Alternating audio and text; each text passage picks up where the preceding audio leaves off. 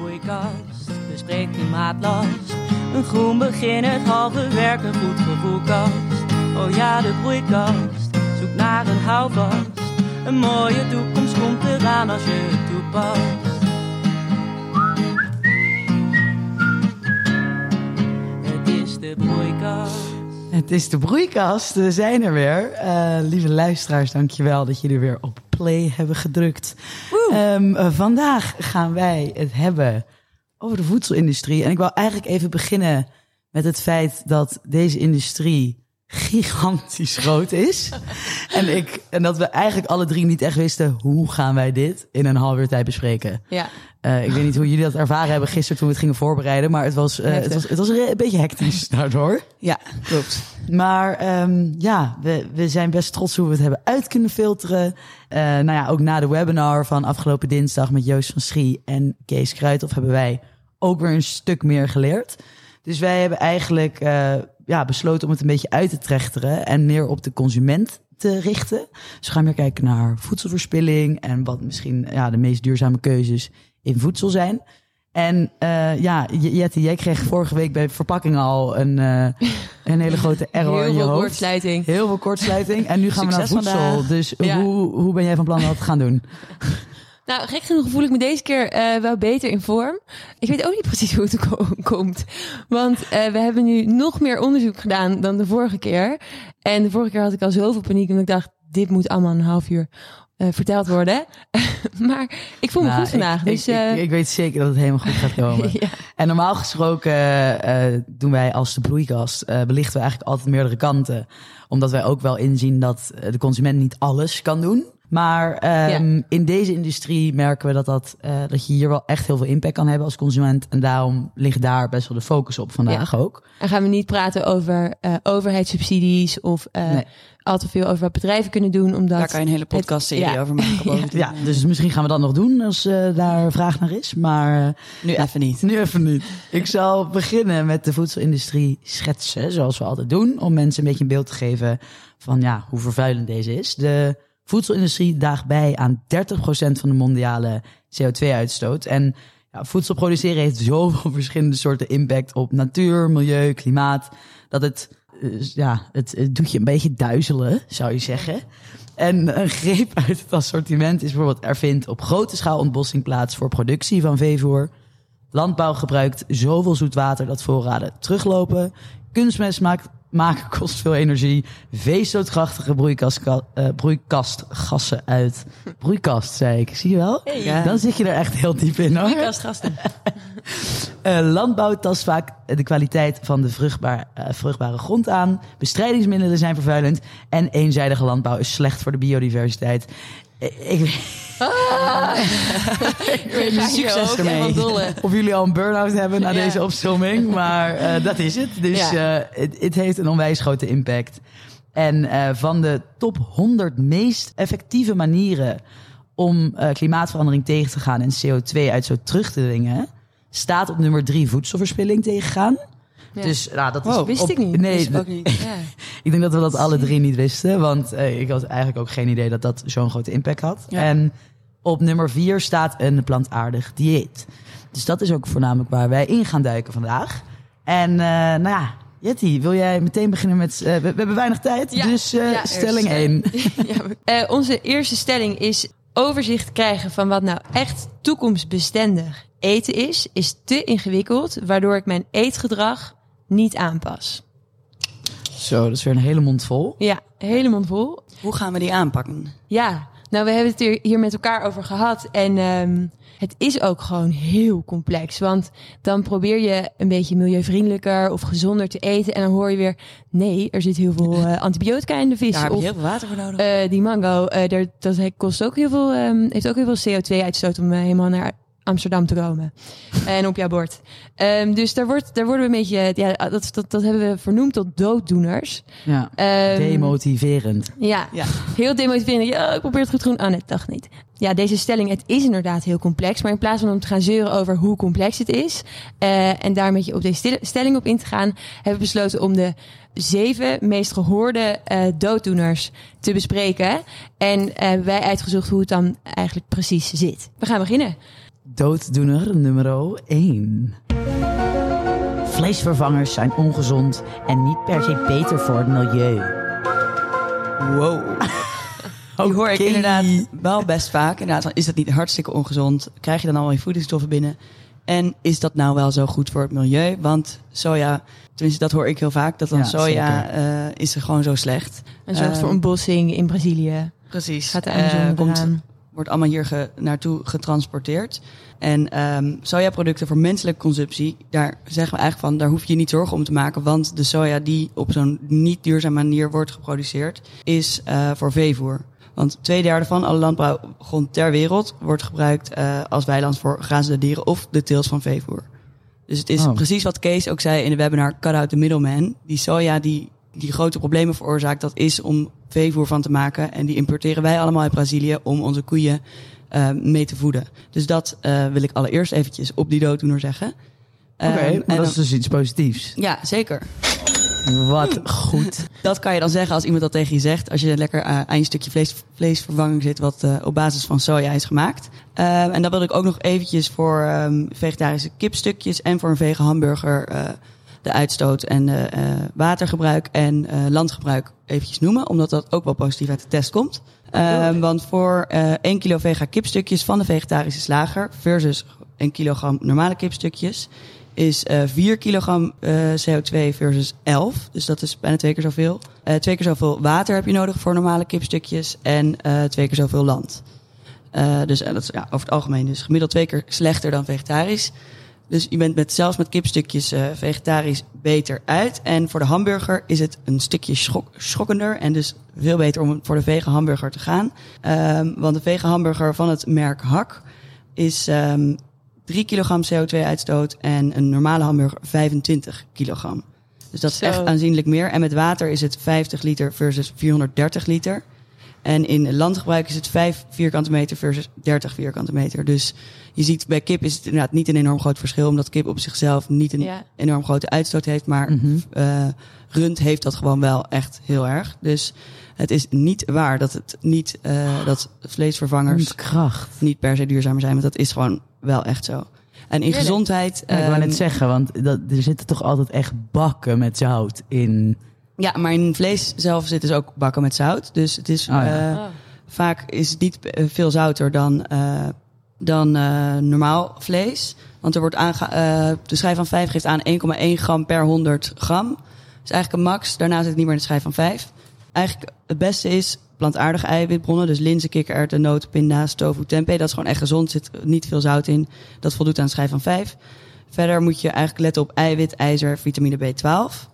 Ehm, en als ik dan een tip mag geven, vegan gehakt is de meest gezonde keuze in vle- vleesvervangers, want daar zit 0,8 gram zout in per 100 gram. Wow.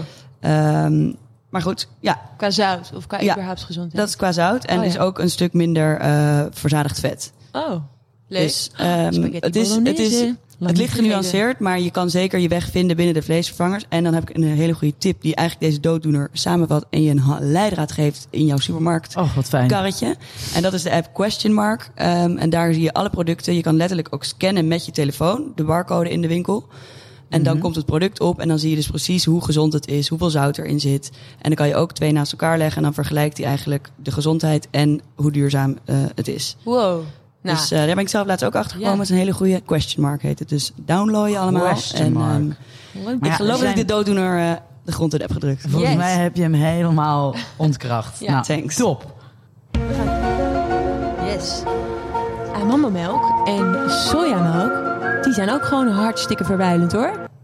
Ja, dat is als je lekker eh, in Amsterdam je, Maar je soja cappuccino is dat? zit te bestellen, krijg je dat inderdaad wel eens Ja. naar je hoofd. Of amandel, inderdaad, amandelmelk en dan zo. Dat heeft zoveel water nodig, wat waar is, maar niet meer dan koemelk. Dus Hey. eh, het blijft een eh, betere optie. Want ik heb een heel mooi plaatje, die kan ik anders even, kunnen we in de stories delen van onze Instagram.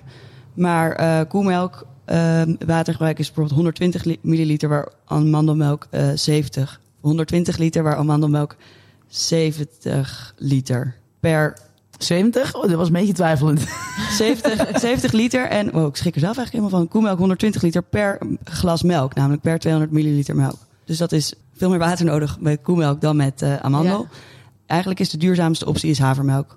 Minst watergebruik, minst landgebruik, eh, minst CO2-uitstoot. Ja, Rijstmelk is dan- ook niet echt goed. En amandelmelk is qua landgebruik wel goed, blijkbaar. Nog, mag ik nog één ding heel kort tussendoor zeggen? Wij hebben eh, dit eh, allemaal onderzoek hier naar gedaan. En die bronnen zullen we posten, zodat je niet denkt... oh, hebben ze dit uit de Linda gehaald? Dus die Ja, krijg ik je weet dat later jij op je onze dingen wel website eens uit de Linda haalt hoor, eh, Jetty. voor deze podcast. Hey, supergoed dat jij vega bent. Maar jij eet gewoon nog heel veel kaas. En dat is ook hartstikke slecht. Dat is zeker waar. Want voor het maken van 1 kilogram kaas is 6 tot 10 liter melk nodig. Dus probeer inderdaad ook een beetje te minderen op de kaas. eh, omdat je hebt gehoord, ja, nou, zuivel is ook gewoon niet goed. Maar om even daarop in te gaan, een klein feitje, daar gaan we meteen door. Voor een kilo eh, biefstuk heb je 58 gram eh, kilo CO2-uitstoot. En voor een kilo kaas is dat 13. Dus dat is wel gewoon vijf keer zo klein. Ja, dus en wederom eh, met rood kip, vlees. eh, kip Ja. ligt het ongeveer, eh, ja, dat is soms wel, soms niet. Hm. Ehm, want oude kaas is vervuilender dan hele jonge kaas, bijvoorbeeld. Dus dat Oh, Ja. ligt met kip nog ligt het een beetje hetzelfde en varken ook. Dus het is inderdaad, je kan vaak beter kip eten dan een oud stukje kaas. Dat is waar. Oh. Je eet dan misschien wel hartstikke duur, duurzaam en vegetarisch, maar je eet wel avocado's en eh, kiwis uit Nieuw-Zeeland en Mexico. En andersom. Andersom, overal vandaan, behalve uit Nederland. Ja, ja dit, dit, dit, is, eh, dit is zeker waar. Hier ben ik even ingedoken. Even ingedoken, hè? Even ingedoken. Je komt Binnen in 10 een, minuten wist je het. Je komt in een web van informatie, dat wil je niet weten. Je wordt echt van het kastje naar de muur gestuurd. Dus eh, daar hebben we wat uurtjes in gezeten. Maar het is natuurlijk eigenlijk heel gek dat wij in Nederland het heel normaal vinden dat we het hele jaar door alles kunnen eten wat we willen. Maar niet uit of het een papaya of een, eh, een mango inderdaad is. Dingen die hier helemaal niet normaal groeien. Eh, want ja, in Nederland eh, zijn wij naast de VS de grootste importeur van avocado's Wow. ter wereld. En deze avocado-obsessie van de westerse wereld oefent ja, een hele hoge druk uit op de avocadoboeren. Voor avocado's heb je ehm, vergeleken met andere groentes veel meer water nodig. Dus een tomaat groeien kost 5 liter water, een avocado 70 liter. Maar ik denk dat als ik het vergelijk met jouw vlees, dat nog steeds vlees veel meer water kost dan een avocado. Ja. ja. Toch? Wat ik zei is eh 430 liter water voor een kilootje hamburgers. Ja, precies. Dus dan is een avocado wel veel beter. Ja. Maar als je dan kijkt inderdaad naar wat is duurzamer, dan kan je beter kijken naar lokale producten eh, die dichter bij huis worden geproduceerd, niet in een kas. Dus bijvoorbeeld eh, appels of zo, die hangen gewoon aan de boom. Daar heb je Ja. geen kas voor nodig, want het is natuurlijk ook raar dat wij midden in de winter aardbeien kunnen eten. Ja, Die zijn vaak niet heel lekker, maar het kan wel. En dat Ja. komt allemaal natuurlijk uit een kas. Dus precies. je, je kan heel genuanceerd nadenken over ja, seizoensgebonden en iets dichter bij huis heeft in een vliegtuig moeten zitten. Ehm, en je kan ook naar bepaalde keurmerken kijken. Dus dat is On the Way to Planet Proof. Dat Oh is ja, een hele goede. en het eco-keurmerk met een K. Ja. Dus, eh, ja, dus kies vooral seizoensgroentes. Bijvoorbeeld nu is dat eh, pompoenen. Ja, en Eh. mensen, als iemand dus een broodje avocado eet, hoef je niet per se te zeggen van wat slecht. Nee, Oh, je bent toch vegetarisch? Ja, mag iemand ook nog wat op zijn brood kunnen doen? Ja. je mag niks meer op je boterham doen. Nee, maar het is natuurlijk wel zo dat er daarnaast wel nog ook heel veel bij komt kijken. Want Ja, door is- die druk op de boeren is er een, bijna een soort heel crimineel circuit bijgekomen. Ja. Want nu Ja. wordt de export dus gerund door kartels soms. Dat, dat Oh, gaat ja, het ja. bericht, weet Ja. je wel. En dat er, het zijn soort van de blood diamonds van, van Oh Mexico noemen ze het. En er, er zijn gewoon, eh, er komt heel veel geweld bij kijken. En enorm veel ontbossing.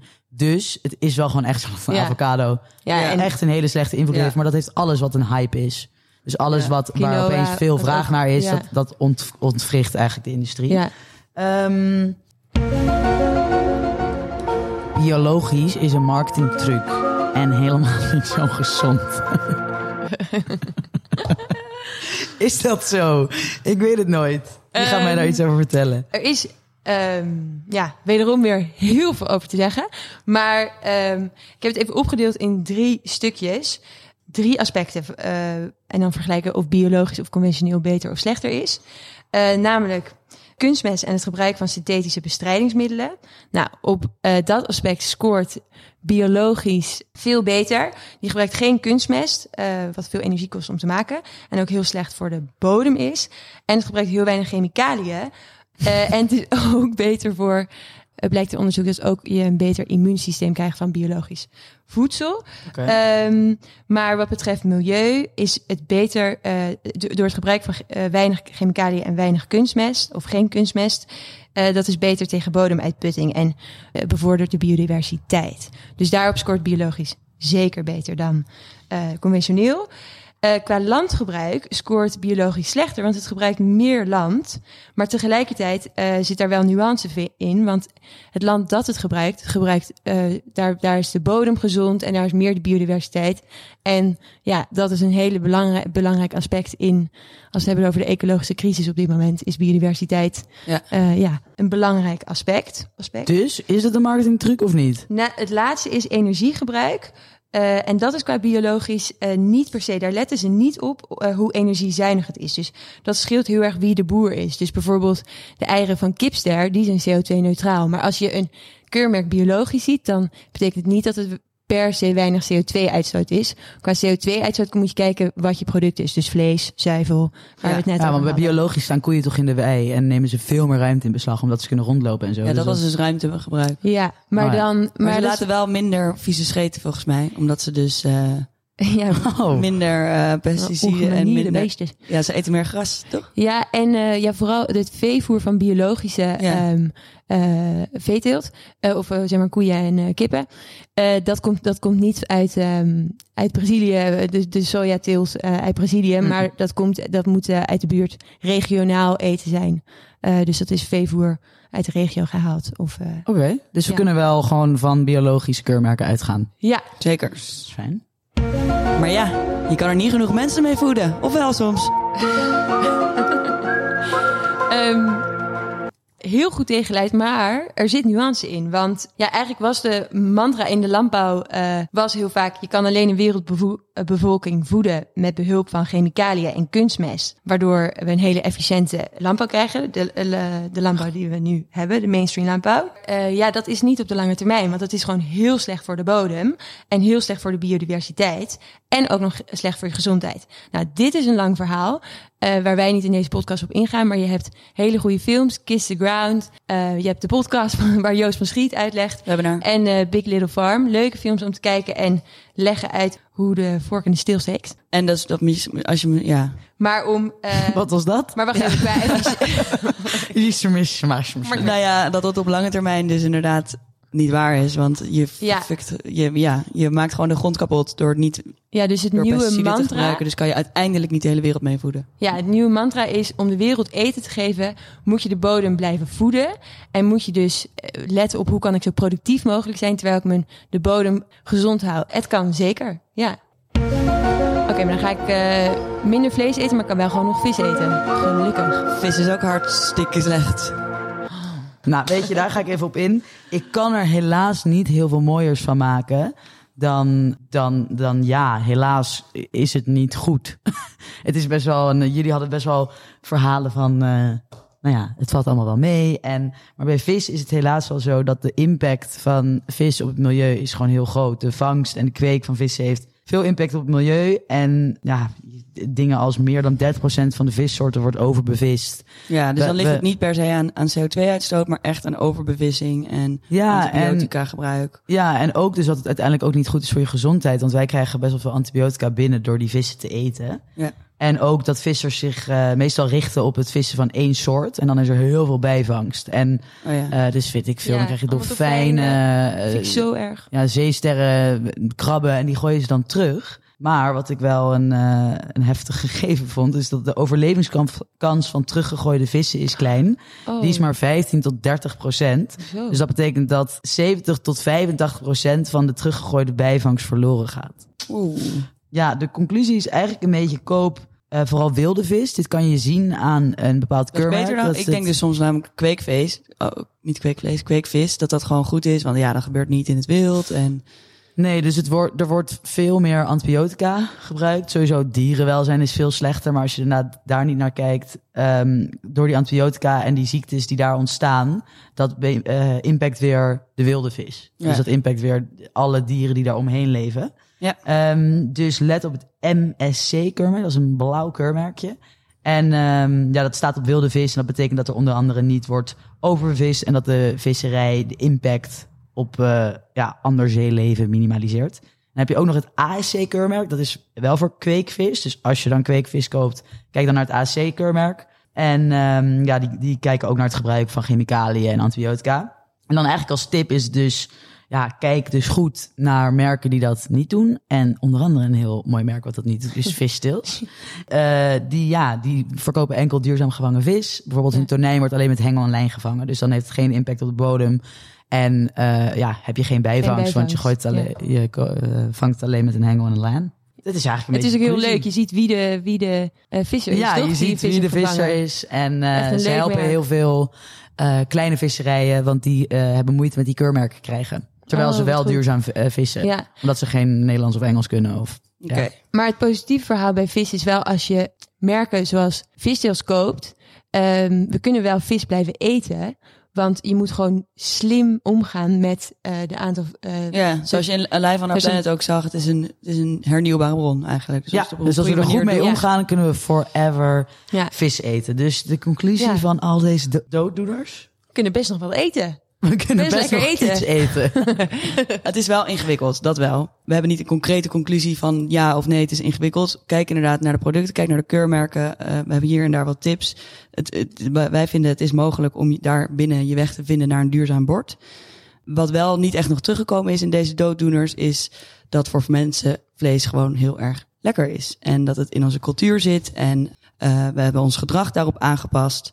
En wij eten dan zelf geen vlees meer, maar natuurlijk heel veel mensen uh, doen dat wel nog en dat is ook gewoon normaal. Dus goed um, ja. we hebben even iemand gevraagd die haar visie daarop wil geven. Um, en dat is Jessie. Ik uh, ga dit uh, andere geluid even afspelen. Ik uh, moet eerlijk zeggen dat hoewel ik mensen om me heen wel echt zie minderen, ik zelf toch nog wel echt vaak vlees eet. Um, ik denk dat het ten eerste komt doordat het toch een beetje een gewoonte is geworden. Um, vroeger bij ons was het aardappel, vlees, groente, maal uh, toch wel een soort van standaard. Maar daarnaast moet ik ook gewoon eerlijk toegeven dat ik vlees heel erg lekker vind. Um, ik vind vaak iets toevoegen aan een maaltijd. En ik denk gewoon dat ik stiekem een broodje kebab of een bitterbal op zijn tijd ook niet zo goed zou kunnen laten staan. Ik moet zeggen dat ik die ook wel heel moeilijk vind. Ja, de bitterbal. oh, de bitterbal. Oh, Maar die wel, wel komen wel Ja. goeie vega Ja, bitterballen goede zijn. vervangers. Ja, uh, ja wat, een, wat, een, wat een heerlijk geluid wel qua... Eh, Zoals ze zelf zeggen, gewoonte van Ja. uit hoe je opgroeit. We zijn routine Ja. mensen. Dus Ik ben ook heel erg uh, opgegroeid met uh, ja, gewoon uh, heel gezond en groen eten. Dus als mensen ook op een gegeven moment tegen mij zouden zeggen... ja, blijf van die courgette en uh, spinazie af. Ik zou het ook niet, ik zou het ook niet Nee. lastig vinden om, om 1, 2, 3 te doen. Ja, Uh, dus het is ook, ja, gewoontes. Uh, maar het is wel een conclusie uit onze dooddoeners wil ik zeggen dat het ja, wel moet. Ja, dat het wel... al- ja, ja, ja, Dus, als, ja, ja, dat je Ik wel vind het wel echt- eerlijk geluid vinden, maar Nou ja, het zijn twee belangen. Ja, het, Ja. Is, het, is, het is het belang van dingen waar jij je fijn bij voelt en waar je goed gevoel krijgt, omdat je het al je hele leven doet. Ehm, dat blijven eten versus. Maar we hebben nog iemand Een fijne die- toekomst, toch? Maar goed, we hebben nog iemand die eh, ook een grote vleesliefhebber is. Eh, ja, we vonden zijn Niemand houding wel leuk. dan- Niemand minder dan Fiesse Fur. En ik ga heel veel vertellen hoe we dit hebben geregeld. Eigenlijk hoe Juliette dit heeft geregeld. Want dit was het meest casual manier van een BN'er contacten die ik ooit heb meegemaakt. Nou, dan Ja. weten we wel dat we in Nederland wonen. Want je had niet zomaar Justin Bieber kunnen contacten in Amerika. Dan, eh, we hebben binnen, denk, kleine 20 minuten zijn nummer kunnen regelen en hem geappt. En Maar ook toen- respect voor hem. Dat hij Ja, gewoon zo thanks. open, gewoon hij dat, eh, dat Ja. hij dat toelaat. Dat Shout out to uh, lekker normaal gebleven. En dat je bent, wordt net vergeleken met Justin Bieber. Ja. Super cool. Ja, super cool. Ik weet ook niet waarom ik JB koos, maar uh, ik weet niet wat dat over mij zegt. Oké, okay, ik ga door naar Fiesse zijn mening. Dat was het. Er worden regenwouden gekapt voor veevoer, voor vlees dat wij weer naar het buitenland exporteren. Er is iets heel erg scheef in ons voedselsysteem. Dat kan je zeggen. Ja, maar je vliegt ook. Ja, oké, dat zal allemaal wel. Maar zo verandert er nooit iets. Ik begin bij mezelf. En als iedereen nou een klein stapje zet, helpt het misschien wel een beetje. Ik vind het heel lekker, maar over een paar jaar is er kweekvlees en dan ga ik er weer flink tegenaan. Ja, dat is ook nog iets wat we niet hebben besproken. Gaan we ook nu niet doen. Maar kweekvlees, inderdaad. Dat Ja. zou gewoon een oplossing kunnen zijn voor Jessie. En dat ligt Ehm, aan de schrappen, toch? In de restaurants, in, in sommige restaurants in Amsterdam. Het ligt er al, maar het ma- er is nog geen wet die het toelaat. Dus Ja. ehm, je kan het nog niet eten. Ja, innovatie Dat terzijde, is ook maar- vaak. Ehm, ik vind het wel heel cool, want hij heeft gewoon eh, een kookboek waarin hij allemaal traditionele recepten heeft met vlees. En, en dat hij dit nu zegt. Is wel een goede, vernieuwend geluid. Ja, Laten we hopen op kweekvlees. Ehm, Nou, stelling- laten we ons verheugen op kweekvlees. want Dat Verheugen. komt er, jongens. Dat over coming, vier, vijf ja. jaar heb je gewoon een biefstuk eh, van kweekvlees voor vijf. Precies. 10 euro of 10 euro of zo. eh, nou, ik hoop wel iets minder hoor. Ja, dan gaat het niet een hit worden, denk ik. Oké, nou we gaan door naar het tweede onderwerp. Dachten in, toen we ja, gingen kijken waar de thema's van dit, deze podcast, dachten we nou over voedselverspilling hoeven we het niet eh, per se te hebben. Eh, toen kwamen we erachter dat dat dus op nummer drie staat van de 1 tot 100 eh, meest effectieve manieren om klimaatverandering terug te dringen. Dus wij zijn er heel erg van geschrokken dat voedselverspilling ja, zo'n grote bijdrage heeft aan de opwarming van de aarde. Maar tegelijkertijd dat er ook zo'n kans is om klimaatverandering terug te dringen. Maar weet jij hoe erg het dan is of niet? En volgens mij weet jij dat. En volgens mij weet ik dat. Eh, in Nederland eh, wordt namelijk jaarlijks per persoon ruim 24 kilo voedsel weggegooid. En nou ja, als je dat dus bij elkaar optelt, alle huishoudens samen, verspillen we daarmee 590 miljoen kilo goed voedsel. Voedsel. Gloed, vloed. Voedsel. Maar dat is. Wow, jezus. Ja, maar dat is, gooi je dus gewoon een klein kind weg, hè? Elke keer. Dat is een beetje een rare vergelijking, maar Dus dat is wel veel, ja. het is veel. En het is een rits. Ja, je kan het vergelijken met een rits eh, vrachtwagens van Nederland naar Spanje. Op en neer. En dan zijn al die vraag, eh, vrachtwagens gevuld met voedsel. Met stoute kinderen. Met stoute kinderen, inderdaad. Dus, ehm, Heel grimmig beeld. maar dat is echt zo veel voedsel. Dus eh, nou, nog een ander feitje. Wereldwijd gaat er een derde van het voedsel bestemd voor menselijke consumptie verloren. Ja, tussen de bron en je bord. Eh, dit staat gelijk aan 560 miljard euro. Dus, eh, Jezus. ja, Ja, het is ja, echt- Ze noemen dit ook wel eens 's werelds domste probleem. ja, het is ook En- echt dom. Ja. Maar het is wel een heel groot probleem. En zeker als je bedenkt dat 800 miljoen mensen ter wereld honger lijden. En ja, naast deze scheve, eh, scheve verdeling van voedsel draagt voedselverspilling jaarlijks 4,4 gigaton CO2 bij aan de wereldwijde CO2-uitstoot. Ik hoor je Jezus. denken, wat, wat, is wat is dit? Maar dat is dus 8% van de totale mondiale Wow. uitstoot. Nou, dat is meer dan de luchtvaart en de scheepvaart bij elkaar. Huh? Dat zijn natuurlijk wel heel erg snel, snel groeiende industrieën. Ja, die zijn eh, de- 3,5. Op dit moment. Oh ja. 3,5. Maar Dus- hoezo stoot voedselverspilling, waar zit die uitstoot dan in? Want ik Ja, zie die uitstoot zit hem in ook de hele productie doorvoor. Dus er Oh, gaat heel ja. veel energie, heel veel water, transport, teelt. Dus eigenlijk alle eh, energie die zit om het te produceren gaat verloren, dus dat is verspilling. Ja, en ook als het op de vuilnisbelt terechtkomt, eh eh, komt er door rotting, komt er heel veel CO2, methaangassen vrij. Zeg maar, Zo'n vuilnisbelt ja, stoot zoveel broeikasgassen uit. Ja. Ehm, dus dat vooral. En ook wel een leuke metafoor. ehm, of een, nou ja, een leuk feitje. Ehm, als voedselverspilling een land was, zou het na de VS en China de grootste broeikasgasbron ter wereld zijn.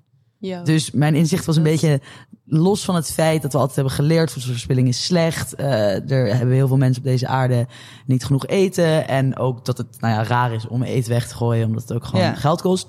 Eh, heb- heb ik nu eigenlijk door dit, dit, dit onderzoek te doen, heb ik ja, eigenlijk meegekregen dat het dus ook heel veel CO2 uitstoot. En een enorme Ja, impact precies. heeft op ons milieu. Ja, zo had ik ook nog niet echt naar gekeken, moet ik eerlijk Nee. zijn. En eh, nou ja, dit was eigenlijk een beetje een schets van de hele eh, voede- Goedemorgen. voedselverspilling. Dus dat is en daar hebben we niet eh, direct een, een stelling op, maar meer omdat, wow, dit is zo'n groot probleem, hebben we, is het een, Een vraag dit keer.